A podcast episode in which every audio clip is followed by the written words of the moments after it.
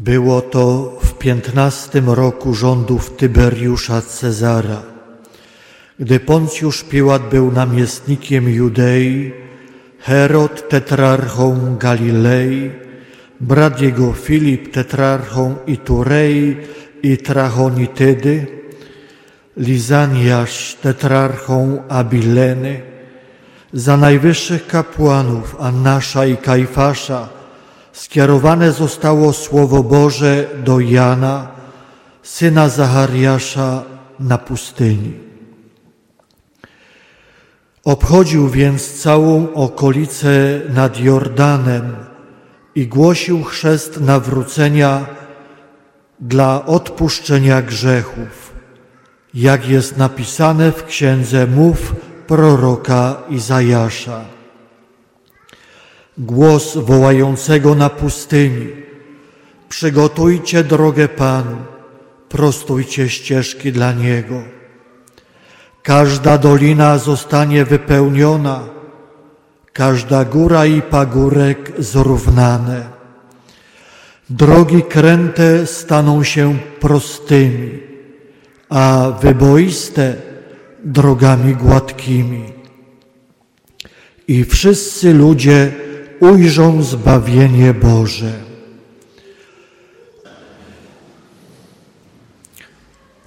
Wszyscy ludzie ujrzą zbawienie Boże. Drodzy współbracia w kapłaństwie, umiłowani w Chrystusie Panu, siostry i bracia,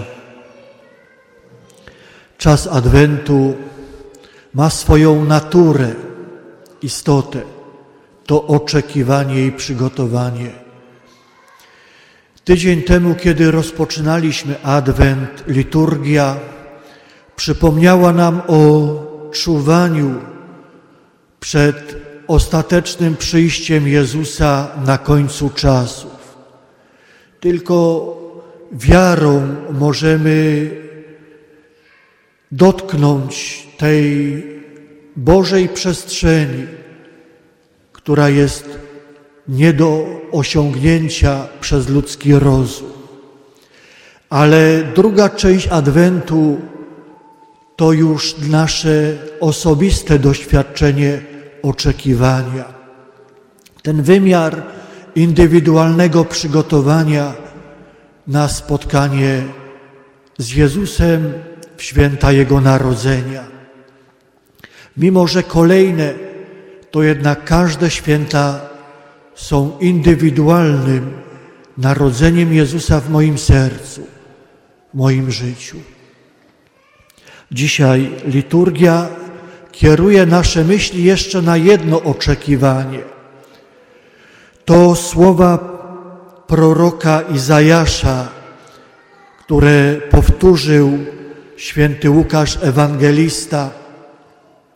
Wszystkie narody ujrzą zbawienie Boże. Zapowiedź wielkiej misji, w której Pan Jezus posłał apostołów, by głosili Ewangelię wszystkim ludom i narodom. I poprzez dobrą nowinę zapraszali do wspólnoty gdzie na końcu będzie jeden pasterz i jedna owczarnia. Ten proces trwa dwa tysiące lat.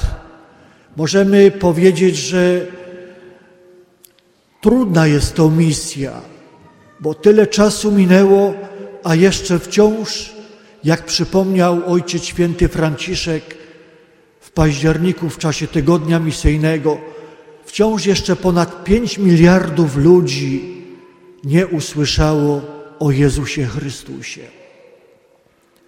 Bo kochani, tak naprawdę, mimo że mamy do dyspozycji nowoczesne, szybkie środki przekazu, internet, telewizję, różne inne formy, to jednak ewangelizacja to nie jest tylko przepływ informacji to jest świadectwo. Ewangelizacja potrzebuje świadectwa. Świadków, którzy pójdą i zaświadczą o Jezusie Chrystusie, poniosą Jego głos tak jak Jan słyszeliśmy dzisiaj w Ewangelii. I myśląc o, o misjach, patrzymy w różne strony świata, takie przestrzenie, Azja, Afryka, Ameryka Południowa, często już i u nas, w Europie, w Ameryce Północnej, każde miejsce potrzebuje ewangelizacji. Ale dzisiaj chciałbym skupić się tylko na jednym skrawku ziemi, małej ziemi, bo zamieszkuje ją mały lud, mniej więcej 300 tysięcy. Okolicznością taką zachęcającą do takiego spojrzenia na misję jest obecność ojca Władysława, który współkoncelebruje tę mszę świętą, który ponad 30 lat przeżył wśród ludów Gidarów w Afryce, w północnym Kamerunie, u podnóża Sahary, wielkiej pustyni. Żyje około 300 tysięcy ludzi, biednych, bo ziemia jest biedna, spalona, ale mających tam swoje miejsce na ziemi. I kiedy przybyli tam ponad 50 lat temu nasi współbracia, możemy sobie wyobrazić, jak wygląda w Afryce takie spotkanie Afrykańczyków, tych murzynów z białym człowiekiem. Ludzi, którzy zostali skrzywdzeni, zranieni Ludzi, którym biały człowiek kojarzy się tylko z tym, który przychodzi kraść, bo tak czynili biali. Kradli bogactwa naturalne, kradli ludzi, sprzedawali ich jako niewolników do pracy z białym, do pracy dla białych. I jakże, wiel, jakże trudno w takim bólu przyjąć słowo misjonarza, i jego zapewnienia o dobrej nowinie, że on przychodzi z dobrą intencją. Pomocą przychodzi nam Pan Jezus. To On właśnie, właśnie wtedy, kiedy wobec takich sytuacji stajemy, przemawia do nas tak jak kiedyś i tak jak kiedyś nam przypomni. Byłem głodny, dałeś mi jeść, Byłem spragniony, dałeś mi pić, byłem nagi, przyodziałeś mnie, byłem chory, odwiedziłeś mnie, wspomogłeś mnie. I taki jest początek misji. Dobry uczynek. Dobra nowina to jest dobro, które niesiemy, które po, pomaga nam otwierać serca tych ludzi. Jest to jednak proces dosyć długi. Ludzie, którzy mówią swoim odrębnym językiem, gidarzy, mają swój świat. Jakże trudno znaleźć miejsce w tym ich świecie, ale inaczej się nie da. Trzeba pracować, jak oni pracują, jeść to, co oni jedzą, często chorować, jak oni chorują, być jednym z nich. Ojciec Władysław wiele lat zagłębiał się ich życie, również w ich język. I ta pierwsza Ewangelia, którą przekazuje się, przekazuje się przez tłumaczy, ale później samemu wchodzi się w ducha języka. Kiedy przyszedł czas, że po latach ewangelizacji ci ludzie już nauczyli się rozmawiać z Bogiem, poznali Go, przyszedł czas potrzeby odprawienia mszy świętej w ich języku. Pamiętamy, jak nasz pasterz, biskup Alfons Nosol, przypominał nam, że to jest wielka wartość, język serca. Każdy człowiek ma swój własny język, którym rozmawia z Bogiem. Ci ludzie też nauczyli się rozmawiać z Bogiem po swojemu, ale przyszedł czas tej modlitwy wspólnej. Taką jest Eucharystia, Msza Święta. I tutaj pojawił się ogromny problem, bo w języku tych ludzi gidarów nic nie było napisane.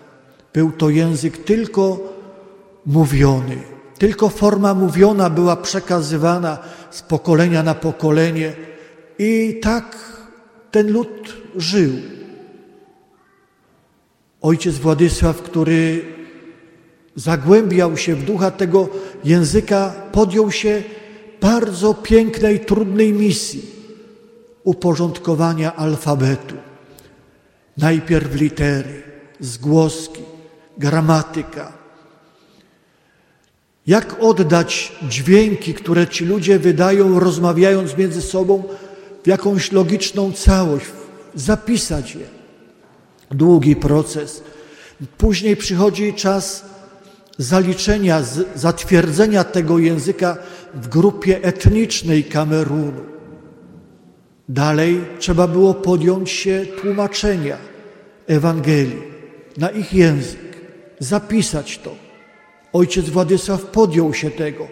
Jedna Ewangelia, druga, trzecia, czwarta, inne księgi Nowego Testamentu, psalmy, później mszał, księgi liturgiczne. I tak powoli, powoli ten język stał się formą pisaną.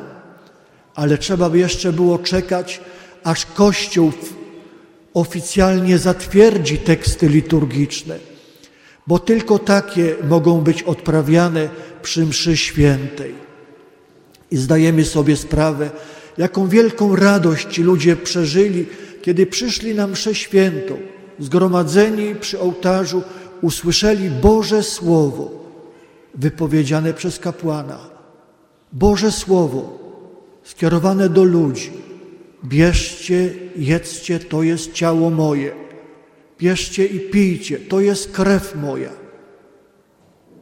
Ci ludzie już w formie liturgicznej nawiązali kontakt ze Zbawicielem, z Jezusem.